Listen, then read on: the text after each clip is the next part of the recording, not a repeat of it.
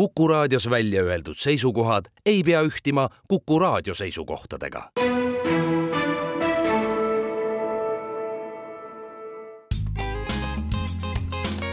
ärimeeter, põnevad vestlused kinnisvarast, majandusest, keskkonnast ja jätkusuutlikust arengust toob teieni Ülemiste City arendaja Tehnopolis Ülemiste tere tulemast kuulama uut raadiosaadet Ärimeeter. Selles saates vestleme peamiselt teemadel nagu kinnisvara, majandus ja keskkond ning kõigest äh, nende ümber ja sees toimuvast. tänase sarjas teise saate teemaks on linnaruum ja millist linna äri vajab. tänasteks saatekülalisteks on äh, Tallinna abilinnapea Madle Lippus, tere Made! tervist! ning arhitekt ja linnaplaneerija Indrek Allmann, tere Indrek! tere! mina olen Tallinna Ülemiste City ärilinnakut arendava ettevõtte Tehnopolis Ülemiste juhatuse esimees ja ühtlasi ka selle saate saatejuht Gert Jostov.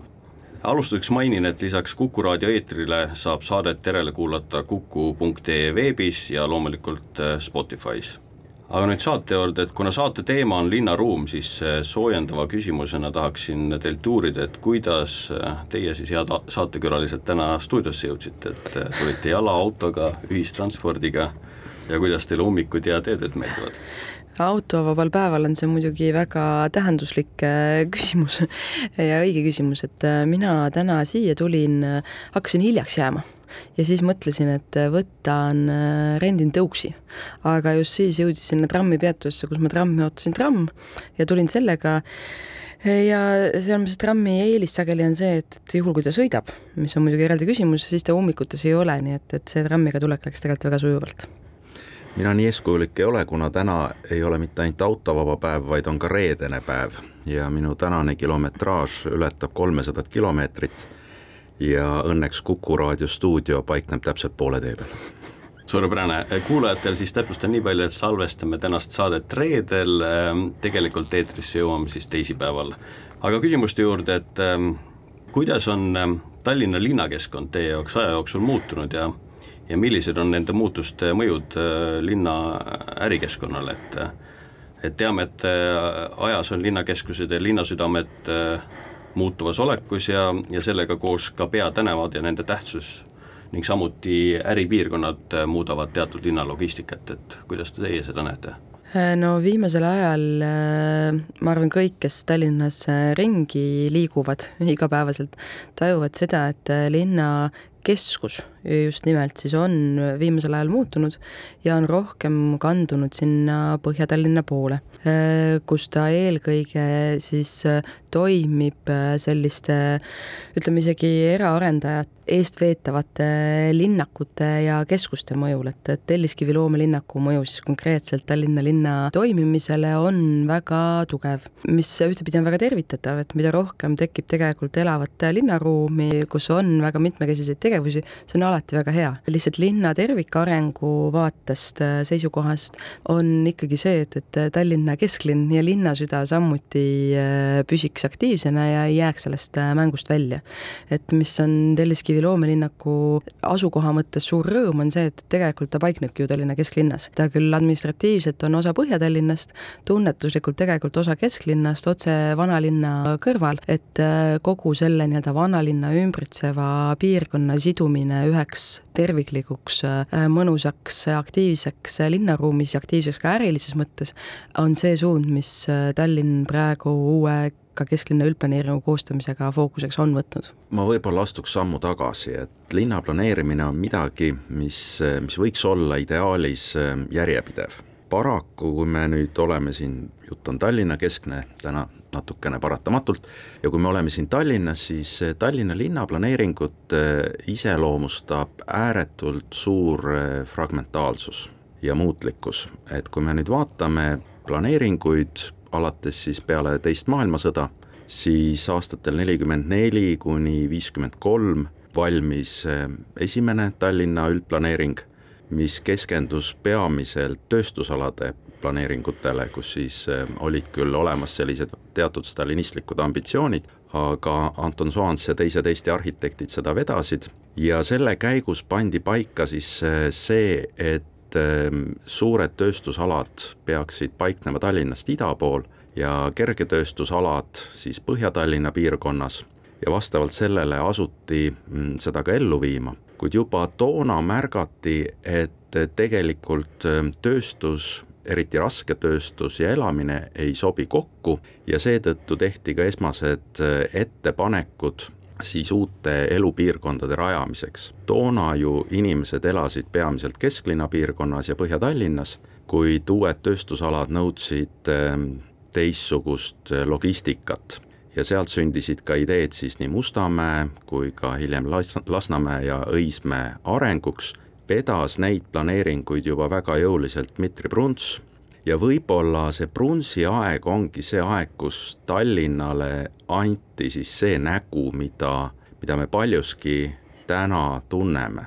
et võib-olla meie nooremad kuulajad on näinud juba teistsugust Tallinnat, mis on sündinud taasiseseisvumise ajal ja mida mina armastan kutsuda Tootsi peenraks ja, ja kapitali juhitud äh, linna planeerimiseks, sest kui nüüd äh, Brunsi-aegne planeering nägi ette väga selgelt jätkuvad äh, rohevööndid, väga selgelt ühe või teise noh, modernistlikult ühe või teise funktsiooni paiknemise, siis selline suhteliselt vaene periood, kus kapitali oli vähem ja kui seda paigutati, siis paigutati seda juhuslikult, muutis meie Tallinna linna ilmet tohutult, asuti ju täis ehitama rohealasid, mis on Rocca al Mare piirkonnas eh, ja ka mujal hipodroomi piirkonnas, ehk et kõik need alad, mis, mis nimetati Tallinna kopsudeks. samas kahetsusväärselt ei viidud ellu neid asju, mida toonane üldplaneering oli näinud, näiteks merepuiestee pikenemine mereni ja seal mere ääres eh, suure avaliku pargi loomine ja muud sellised eh, väga mõnusad ja head ideed et kui me jõuame nüüd nagu tänasesse päeva, siis äh, mul on nagu rõõm tõdeda, et minu sellise viimase kahekümne viie aastase praktika jooksul on võib-olla esmakordselt kätte jõudnud see periood, kus taaskord üritatakse andmepõhiselt ja teaduspõhiselt ja juba kaasaegselt vaadata meie linnale otsa, seda analüüsida ja mõtestada, et miks me mida teeme ja kuhu me võiksime areneda ja mis võiks olla eesmärgiks me muidugi Ülemistel siin arvame, et äh, linnakeskkond äh, liigub äh, samm-sammult, aga kindlalt mööda Sossi mäge üles Ülemiste poole, et ma ei tea, et tundub see väga suur, suur soovunelm või mitte, et kuidas seda kommenteerid? minu jaoks üldse ei tundu soovunelm, see on väga oluline suund, kuhu samuti kesklinn peab minu hinnangul laienema. See on seotud tegelikult ka lennujaama arengutega, kogu lennujaama Ülemiste vahele jääva piirkonna, mis praegu on ju üks väga linnaliselt segane piirkond, äh, aga mis tegelikult tuleks mööda seda Majaka sihti ja Tartu maantee sihti ka just nimelt kvaliteetse linnaruumi, aktiivse linnaruumiga kesklinnaga ära siduda. aga eks see küsimus on jah see, et, et, et kui palju meil on, siis mitte ainult linnal Äh, vaid just äh, selle nii-öelda kaasaegse linnaruumi loomise, äh, inimeste ehk tiheduse ja ettevõtjate mõttes võimekust sellist kesklinnalist ja huvi niisugust kesklinnalist ruumi luua ja hoida. et siin ongi vajalik see, et eks nii-öelda mina küll linnavalitsuses linna planeerimise eest vastutan ja seda igapäevaselt koordineerin, aga noh, kaugeltki ei ole see ainult minu, mitte mitte minu teha. et äh, see tegelikult peab toimima koostöös elanikega, koostöös ettevõtjatega. Ja, ja ma arvan, et, et see, et, et kuidas me saaksime ja kas me saame selle lahendatud, see küsimus ongi selles, et kui hästi me tegelikult suudame seda koostööd selle visiooni elluviimisel äh, teha.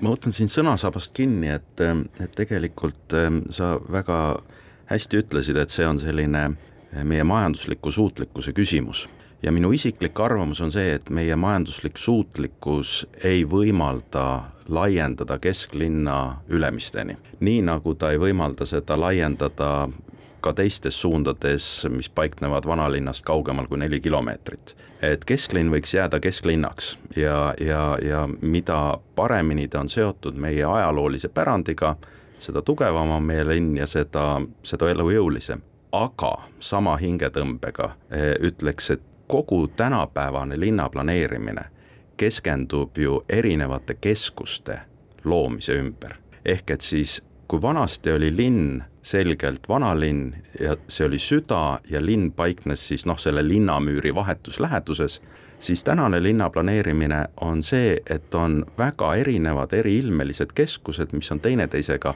väga hästi ühendatud, nii et aegruumiliselt nad mõjuvad kui üks linn.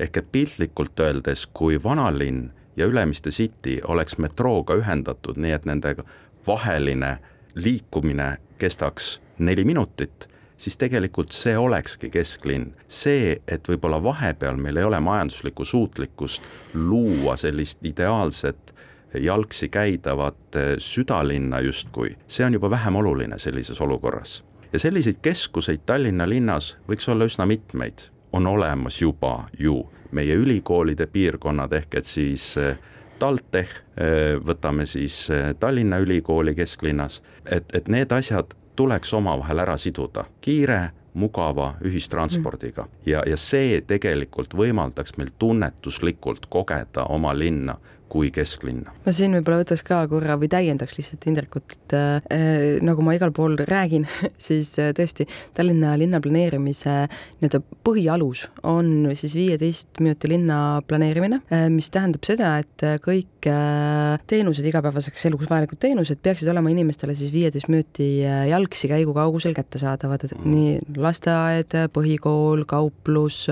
juuksur, apteek, kõik see, mis sellist, just sellist kodu kodulähedust või noh, kuhu tegelikult tahaks ju jalutada. aga sellise linna planeerimise nii-öelda loogika on ka siis selles, et tõesti, et meil ongi kesklinn, mis on siis suurema fookusega, aga lisaks sellele on meil tõesti need kohalikud keskused äh, veel eraldi, mis tegelikult samamoodi peavad nendele kriteeriumitele vastama ning tõesti olema ühistranspordiga omavahel hästi ühendatud. ma nii kaugele muidugi ei läheks nagu metroo, et äh, ma arvan, et tegelikult Tallinna mõõtu, noh, mis tegelikult ikkagi on väikene linn, suudame me sama kiiruse või noh, mitte päris sama kiiruse, aga siiski hea ühenduse ühenduse tagada trammiga näiteks, et Tallinna-suguses väikeses linnas võib-olla see metroo ambitsioon, noh, siin tuleb tõesti hästi läbi mõelda, et, et kas meil on midagi sellist äh, tarvis. aga head kuulajad, teeme siinkohal meie saatesse väikese pausi. ärimeeter põnevad vestlused kinnisvarast, majandusest, keskkonnast ja jätkusuutlikust arengust toob teieni Ülemiste City arendaja Tehnopolis Ülemiste ärimeetri saade on pausilt tagasi, meie tänase saate külalised on Tallinna abilinnapea Marre Lippus ning arhitekt ja linnaplaneerija äh, Indrek Allmann. Äh, mina olen saatejuht Gert Jostov ja tänase saate teemaks on linnaruum, millist linna äri vajab. aga tuleme nüüd äh, selle teemas rohkem inimeste tasandile, et et võib-olla natuke intrigeerivalt küsides, et kas linn peaks inimestega arvestama, et äh, näitena eesrindlikust linnast on toodud äh, Londonit, aga nemad peletavad kesklinnast autosid ja, ja liiklust välja, samamoodi põgenevad selle tõttu sealt ka erinevad ärid, et kas teile tundub, et, et London on linn, millest Tallinn peaks eeskuju võtma või on, või, või on mõni muu linn maailmas, mille, mis oleks meile parem? linnaehitus ei ole kunagi lihtne ega üheplaaniline. Ja ma ei läheks nii kaugele, et seoks Londoni kesklinnast autode väljatõrjumist ja linna keskosa tühjenemist üks-ühele võrrandisse. pigem Londoni puhul on väga selgelt välja toodud segregeerituse probleem et kui me nüüd vaatame, et kellele tänane Londoni kesklinn kuulub, siis need on ikkagi jõukad kodanikud nii Ameerika Ühendemiraatidest kui ka Venemaalt. Need on inimesed, kes seal kohapeal ei ela ehk et vähenenud on Londoni keskkonnas kohaliku elanikkonna tihedus ja, ja seeläbi ka on seal väga spetsiifilised probleemid, ehk et justkui kõik need teenuse kasutajad peaksid tulema väljastpoolt, noh, turistid ju seda on, aga, aga kohalikku teenuse tarbijat ei ole või see väheneb. rääkides inimkesksusest siis me ju teame lisaks viieteist minuti linnale erinevaid termineid, näiteks kaheksa, kaheksakümmend linn, see tähendab, et linnaruum peaks olema kasutatav nii kaheksa-aastasele kui kaheksakümne-aastasele. see kõik on hea ja õige, sellest me võime rääkida, see on linnaruumi disain, aga võib-olla siin alustuseks tooks välja ühe kõige olulisema asja, mis võib-olla selle sajandi linnaplaneerimist eh, pisut eh, eristab eelmise sajandi linnaplaneerimisest, et kui toona räägiti funktsioonist, räägiti ka tihtipeale lihtsalt planeeringulisest ilust, siis eh, täna räägitakse järjest rohkem andmepõhisusest ja, ja inimtihedusest, siis ehk et reaalsetest kasutajate tihedustest ühes või teises keskkonnas räägitakse sellest, et kas selle keskkonna kasutajad on seal nii-öelda pendelrändajad ehk et tulevad hommikul või et hommikul lähevad kuhugi mujale tööle tulevad õhtul tagasi või on töökohad nende elukohtade lähedal ja vaadeldakse ehk et liikuvust eh, koos inimtihedusega. Ja tõdetakse siinkohal, et selliseid õigeid arvutusvalemeid mis seoks endaga kokku nii majandusmudeli, millele võib-olla Londoni näitel me viitasime, kui ka sellise mm, hea ja kvaliteetse elukeskkonna, neid selliseid mehaanilisi arvutusmudeleid ei ole, küll on väga palju linnauuringuid, mis on analüüsinud, miks üks või teine keskkond töötab ja teine ei tööta ja on välja toonud siis sealt arvnäitajad, mida tasuks jälgida linna planeerimisel. aga mida sellised mudelid täna Tallinna kohta näitavad?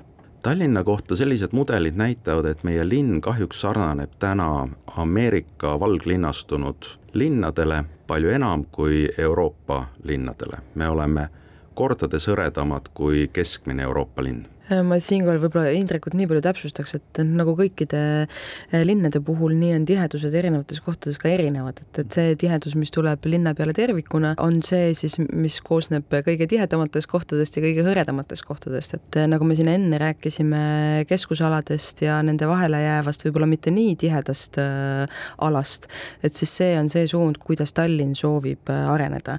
ehk et keskusalad tõesti oleksid tihedad, seal oleks inimesi, seal oleks tegevusi, tegevusi, seal oleks ka nii-öelda äridel siis seda eluvõimalust, sest äh, noh, see on fakt, mille vastu ei saa vaielda, et äh, selleks, et äh, äri toimiks, on vaja, et inimesed oleksid seal kohapeal ja neid teenuseid tarbiksid ja kaupluseid külastaksid, et et kindlasti inimeste olemasolu ja tihedus on äärmiselt oluline ja noh, see, mis lõpuks inimesi sinna meelitab või noh, küsimus just selles, et, et kas me peame inimestega arvestama, loomulikult peame. sellepärast, et inimesed tänapäeval eriti tegelikult tulevad kohtadesse, kus neil on mõnus, kus neil on mugav, kus neil on äh, teha võimalikke asju ka, mille jaoks nad ilmtingimata ei pea raha kulutama, ehk et et see, mille me Tallinnas näiteks väga palju viimasel ajal tähelepanu pöörame, on just nimelt sellise avaliku ruumi loomine, mis ilmtingimata ei eeldaks tarbimist, aga võimaldaks äh, mugavalt ja ilma väliste, liigsete väliste häiringuteta, näiteks nagu müra või õhusaaste, siis selles ruumis olemist. et äh, see on ka viis äh, või nii-öelda sellise ruumi loomine on siis tegelikult see, mis aitab inimesi kuskile tuua, et mis on ka põhjus, miks tegelikult me peame linna planeerimise keskmesse paigutama just nimelt inimese. et ilma selle inimeseta, äh, ilma tema vajaduste mõistmiseta ei ole meil tegelikult noh, mõtet üldse linnast rääkida. ja loomulikult ka liikumine, et inimestel on vaja linnaruumis liikuda, see on üks linna nii-öelda põhilisi olemuslikke osasid. Äh, lihtsalt väga oluline küsimus on see, et, et kuidas seda tehakse. praegu Tallinnas me oleme väga selgelt mõistnud seda, et, et täiendavat äh, eraautode kasvu meie teedevõrk lihtsalt välja ei kannata. et äh, kui me vaatame ka praegust tänavaruumi ja siis mõtleme sellele, et millist tänavaruumi kas või siin kesklinnas oleks meil tarvis täiendavalt luua, just nimelt selleks, et inimesed siia tuleksid, äh, siis seal peab olema hoopis rohkem selliseid olemise kohti. ehk et tänavaruum lisaks liikumise võimaldamisele peab võimaldama ka kohti olemiseks. see aga tähendab praegusel juhul seda, et kui veel kuuekümnendatel nii-öelda tänavaruumi muutmiseks võeti hulgaliselt maha tee ääres piirnevaid maju, et siis noh, selliste liigutustega tänapäeval me enam linna planeerimises ei opereeri, ehk et, et meil on see tänavakoridorid olemas sellisena, nagu nad on.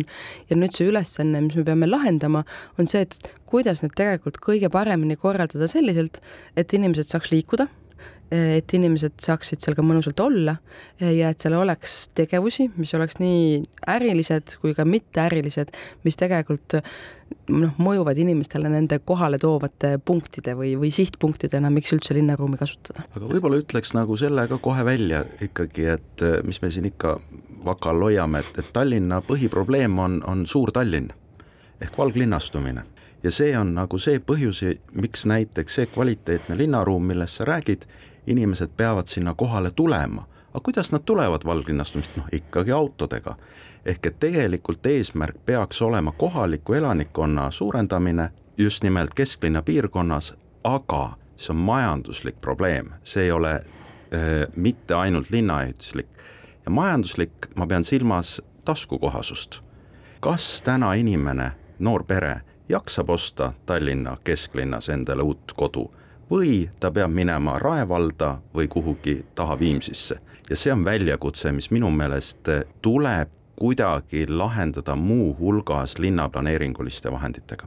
jah, sellega täiesti nõus, et üks suurimaid väljakutseid, mis ma arvan, et Tallinna linna planeerimises ongi edaspidi ees ja millega ka tööd nüüd alustame, ongi taskukohaste elamispindade Äh, nii-öelda ma arvan, et alustuseks läbimõtlemine, et kuidas me tegelikult kavandame linnaruumi selliselt, et ühes piirkonnas oleks erinevaid tüüpi eluasemeid, siis mitte ainult äh, ruumi suuruse mõttes, millega me juba tegeleme, aga tõesti väga oluline on vaadata ka seda, et, et see varanduslik, äh, no ühesõnaga, et Tallinnas ei toimuks või ütleme, et ei süveneks varanduslik kihistumine. Me sellel kevadel valmiski siis Tallinna rahvastikuprognoos, mis lisaks sellele et ta näitas ära, et, et kus inimesed äh, Tallinnas elavad, kuhu nad liiguvad, millised on need äh, tuleviku väljavaated aastani kaks tuhat viiskümmend, kas inimesi lisandub ja kus nad lisanduvad, siis analüüsis põhjalikult just nimelt segregatsiooni. ja Tallinna puhul see on viimastel aastatel õnneks aeglustunud, mis minu jaoks oli väga huvitav, et, et väga oluline selle puhul on ka alampalk ja see, et, et inimeste nii-öelda sissetulekute vahel ei oleks niivõrd suuri kääre.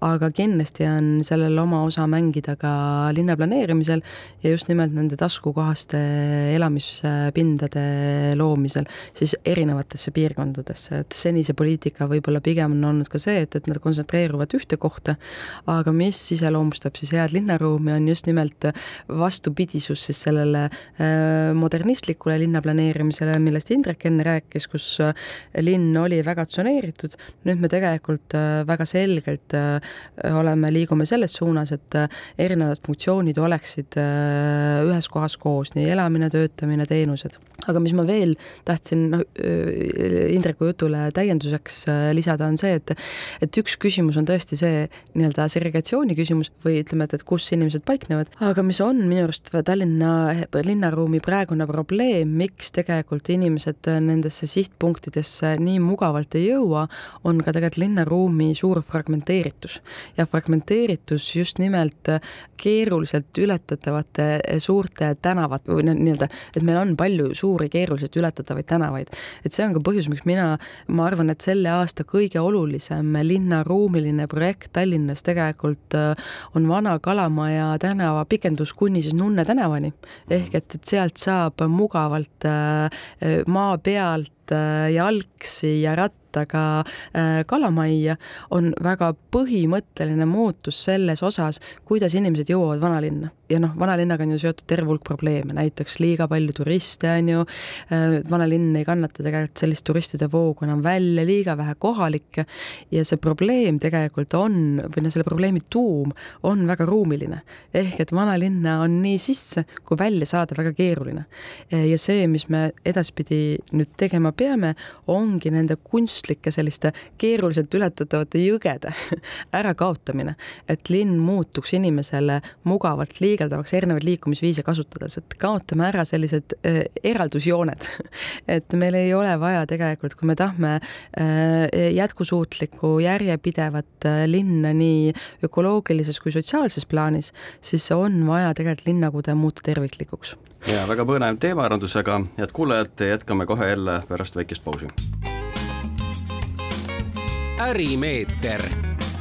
põnevad vestlused kinnisvarast, majandusest, keskkonnast ja jätkusuutlikust arengust toob teieni Ülemiste City arendaja Tehnopolis Ülemiste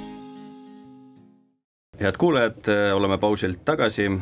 meie tänased saatekülalised on äh, Madle Lippus äh, ja Indrek Allmann, mina olen saatejuht Gert Jostov ja tänase ärimeetri teemaks on linnaruum ja millist linna äri vajab aga äh, tuleme sinna linnaruumi ploki juurde täiendavalt tagasi, et äh, kuidas teie arvates, et äh, kuidas saame tasakaalustada linnaruumi kultuurilist ja majanduslikku väärtust?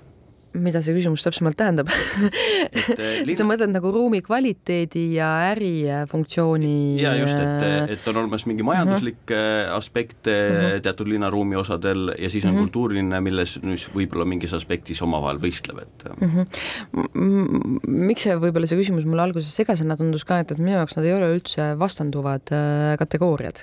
et äh, ja linna planeerimise ülesanne minu arust ongi see hea tasakaal seal üles leida.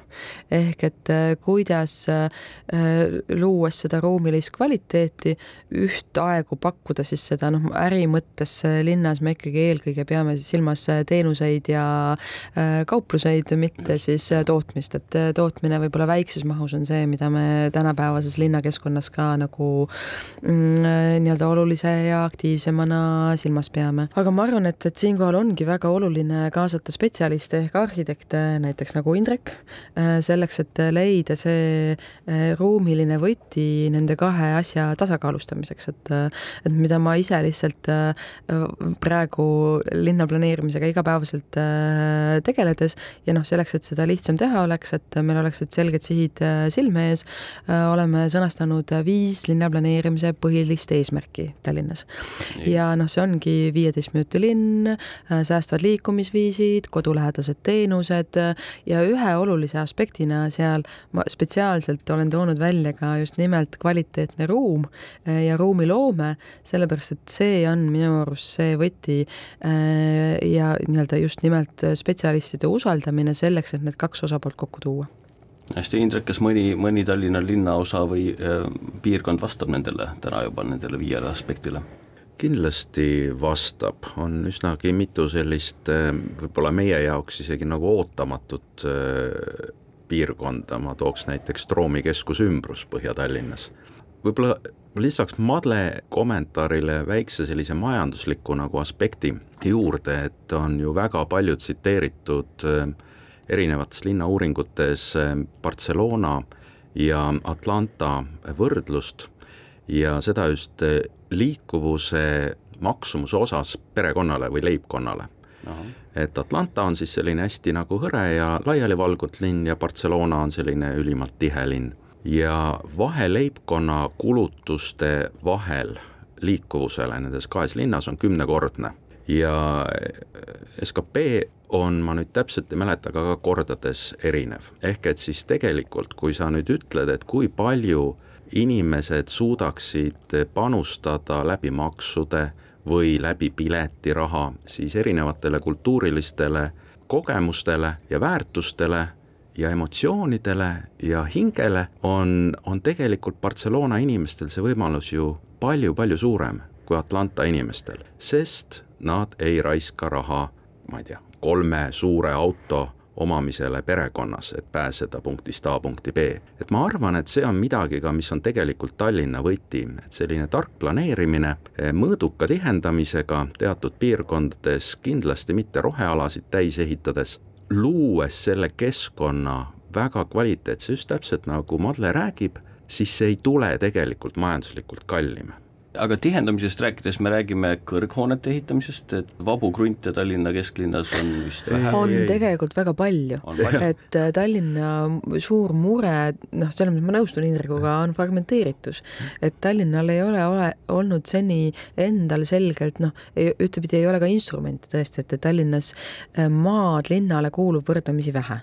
Äh, noh, mis iseenesest mina olen jõudnud arusaamiseni, et tegelikult isegi ei ole suur probleem, aga mida me kindlasti peame tegema, on see, et, et, et ise targalt seda arengut suunama ja suunama just tegelikult eelkõige kesklinnas, et meil on siin suured alad, mis on arendamata. et kasvõi võtta kogu see sadama ümbrus, mis on tegelikult ja, väga just, kesklinnaline, mis on praegu täiesti tühi, aga mille osas me praegu planeeringutega edasi liigume. Maakri kvartal, mis on tegelikult praegu noh, keset linna ja niisugune garaažiala on ju. Et tegelikult, kui vaatama hakata, siis neid alasid on mitmeid, aga ma arvan iseenesest, et kõrghooned ei ole noh, see ilmtingimata see lahendus, et pigem ongi niisugune nagu ütleme, keskkõrge, aga tihe linnaruum ja hästi ära kasutatud tänavaruum. see, mis annab võimaluse selle tiheduse loomiseks ja tõesti noh, kui vaadata Barcelonat, Barcelona ei ole ülemäära madal mm, -hmm. aga tal ei ole. kaheksa korrust. võib-olla midagi umbes sellist, jah. niimoodi, mõned üksikud kõrghooned. noh, ja see, ma arvan, et see, mis me eelkõige mõtleme Barcelonal või silme ette mm -hmm. tuleb tegelikult perimetraalne hoonestus mm, -hmm. noh, mis ilmtingimata ei pea ka olema kopeeritud Tallinnas, aga just see, et, et me tegelikult mõtleme niisugused Pärnu maantee algus, kui inimesed tahavad tuua silmi ette midagi. jah, aga puud et, et mis sealt tegelikult Pärnu maantee algusest on puudu, on, on kvaliteetne tänavaruum hetkel. et aga põhimõtteliselt um, jah, umbes taoline hoonestus on see, millega tegelikult äh, Tallinna nii-öelda kesklinna tuleks, äh, tihendamine kõlab alati hästi halvasti, sellepärast et inimestele tundub siis tõesti, et kõik ehitatakse nii täis, et ruumi enam ei ole. ja noh, see, selle tunde aluseks, ma arvan, on just see, et, et, et aastakümneid on tänavaruum jäänud tähelepanuta. Äh, ja ka ma ise näiteks, noh, lihtsalt siin mõeldes nii-öelda enda arengu ja kasvamise peale, et aastakümneid olen ma tegelenud ka just nimelt planeeringutega ja et ja tundnud, et see on jube tähtis äh, just selle nii-öelda mõnusa linnaruumi loomisel. aga, aga vaata, tähtsam isegi on nimelt selle terviku vaatamine koos tänavaruumiga. ja miks ma ütlen, et, et ma enam isegi nii traagilisena seda ei näe, et, et no võrreldes näiteks Helsingiga, kus linnale kuulub väga palju maad ja kus noh, kogu aeg räägitakse, et küll Helsingi, mida kõik Helsingi teha saab ja kuidas Helsingi ka areneb, aga Tallinnas meil need tööriistad puuduvad. seal kõrghooneid ei ole, aga, aga mereala on ilusti välja ehitatud. Äh, näha, et sa ei ole hiljaaegu äh, Helsingis käinud üks vist on, jah. viisteist aastat tagasi võeti vastu äh, poliitilise tasandi otsus tihendada Helsingit Tartut eh, ja välja ehitada linnametroo. ja kui nüüd vaadata, mida tehakse näiteks Kalaranna piirkonnas, kus siis eh, modernistlikke kuuekümnendatel, seitsmekümnendatel valminud kuuekorruselisi maju lammutatakse, asendades neid kaheteistkorrustelistega, metroo peatub kolmanda korruse tasandil, kui metroost väljud, siis su kõrval on üle kolmekümne korruselised hooned see on täiesti teistsugune Helsingi kui see, mis Helsingi oli veel mõni aeg tagasi. soovitan minna ekskursioonile. aga võib-olla ma soovitaks veel ühte kohta minna ekskursioonile, et, et piltlikustada Madle eh, sellist nagu juttu ja tähelepanekut eh, Tallinnas eh, tänavaruumi nagu kvaliteetsusele. inimesed, kes armastavad ütelda, et Tallinn ei ole roheline linn, ma soovitan neil minna Niguliste uue liftiga sõitma et võiks minna sinna ülesse ja vaadata seda ilusat rohelist linna, kust üksik maja välja paistab. milles on probleem? meil ei ole probleemi rohelisuse vähesusega, meil on probleemi haljastuse kvaliteediga. kui me vaatame näiteks Pärnu maanteed, kuidas see tramm siis nüüd ikkagi linnast välja sõidab, keset suurt betoonivälja, miks see kõik, see ei võiks olla roheline, ehk et miks trammirööpad peavad olema betooni sees, mitte muru sees. ehk et tegelikult sellised väikesed detailid, väikesed nüansid, me saaksime seda sillutatud pinda vähemaks, me saaksime suurendada noh, saaks kas või oma nende üleujutusprobleeme vähendada mingil määral, ehk et siis mis äh, meie, meie sadevee kollektoreid ummistavad. ehk et lihtsad asjad teha paremini. aga mis, mis plaanid Tallinna linnal sellega seoses on? Sa mõtled siis tänavaruumiga konkreetsemalt? no haljastuse et, äh, parandamisega ja sellega seonduva ja tänavaruum tervikuna. jaa, et äh, üks uus tööriist, mis me nüüd oleme kasutusele võtnud just nimelt, et seda haljastust parendada ja ka mitmekesistada. praegu on meil kasutusel küll eelkõige detailplaneeringute puhul, aga laiendame seda peatselt ka tänavaruumile, on rohefaktor. ja rohefaktor on siis selline, noh, planeeringutes on ette nähtud tavaliselt mingisugune haljastuse protsent. Öeldakse, et kolmkümmend protsenti peab teil siin olema haljastust aga nagu Indrek Sõrmus õigesti välja tõi, on väga oluline vahe, missugune see haljastus on. kas tegemist on muruga, mis ei ole väga väärtuslik linnakeskkonna mõttes, sest äh, ta ei vähenda kuumakõrbesid, äh, ilmselt ei toimi ka väga hästi sademevee ärajuhtijana või nii-öelda kogujana. Äh, et mida me selle rohefaktoriga teeme, praegu katsetamegi koostöös siis arendajatega, kuidas ta sobitub nende projektide paremini läbimõtlemiseks, et kuidas seda haljastust saada mitmekesisemaks. et see on selline põhimõtteliselt Exceli tabel hetkel, äh, kus siis äh, on vaja saavutada mingisugune sihtväärtus ja seda on lihtsam saavutada sellisel juhul, kui panna puid, kõrghaljastust, kui lisada põõsaid, kui lisada sinna veel selliseid, ütleme, vett läbi laskvat pinnast asfaldi asemel, et noh, ta ei ole selles mõttes nagu kohustuslik tööriist, aga ta on tööriist, millega seda töövahendite arsenali või seda mõttemaailma laiendada, et, et, et kuidas tegelikult seda paremini tööle saada. Ja noh, samasugune vajadus tõesti meil on ka tänavaruumi puhul, kui me vaatame Tallinna tänavaruumi, noh, see on lihtsalt nii-öelda praktiline probleem, meil on kaks suurt praktilist probleemi tänavaruumi puhul, mis ei ole isegi niivõrd tunnetuslikud, on kuumasaared aina enam kliimamuutustest tulenevalt äh, hakkab olema siin pikki kuumaperioode, mis tähendab seda, et äh, sellega kaasnevad ka suured tervisekahjud, juhul kui me tänavaruumi temperatuuri alla ei too, ehk meil lihtsalt on tarvis seda kõrghaljastust selleks, et me suudaksime säästa ja hoida inimelusid. teine väga selge nähtus, mida, mis kliimamuutustega kaasneb ja mida me tallinlastena aina enam tunneme, on siis äh, nii-öelda ootamatud ja väga suure sademete hulgaga vihmahood, mille puhul ei ole kunagi võimalik ehitada sellist äh, kollektorit, mis selle kõik suudaks ära juhtida, et noh, põhimõtteliselt loomulikult maailmas on olemas hästi suured torud, kuhu see vesi kõik võiks ära mahtuda, aga puhttehnoloogiliselt, kuna neid läheb vaja niivõrd harva, äh, siis äh, nad, kui nad on suure osa ajast kasutusest väljas või töötavad nii-öelda madala koormusega, siis nad nii-öelda kaotavad selle oma töövõime, ehk et, et see nende hästi suurte torude rajamine on põhimõtteliselt võimalik, aga ei ole tegelikult jätkusuutlik lahendus, ehk et see, millele me peame mõtlema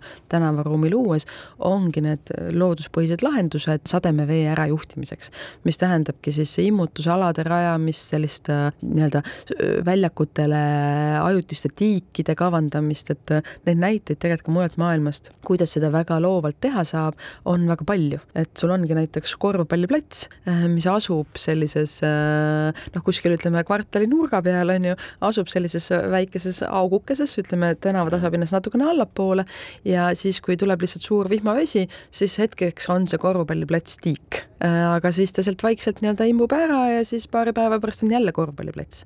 et põhimõtteliselt just nimelt selliseid äh, lahendusi äh, peab lähiajal linnaruumi tekkima oluliselt rohkem, sest et, et need on need väljakutsed, nii-öelda kliimamuutust tulenevalt kaks suurt väljakutset ehk liigne vihmavesi ja liigsed kuumaperioodid, millega me toimetama peame. aga head kuulajad, meie saateaeg on tänaseks kahjuks läbi saamas, ähm, Ärimeetri saate poolt tänan tänaseid saatekülalisi Marret ja Indrekut, aitäh teile! aitäh! mina olen saatejuht Gert Jostov ja kuulajatega kohtume jälle kahe nädala pärast, kõike head! ärimeeter, põnevad vestlused kinnisvarast, majandusest, keskkonnast ja jätkusuutlikust arengust toob teieni Ülemiste City arendaja Tehnopolis Ülemiste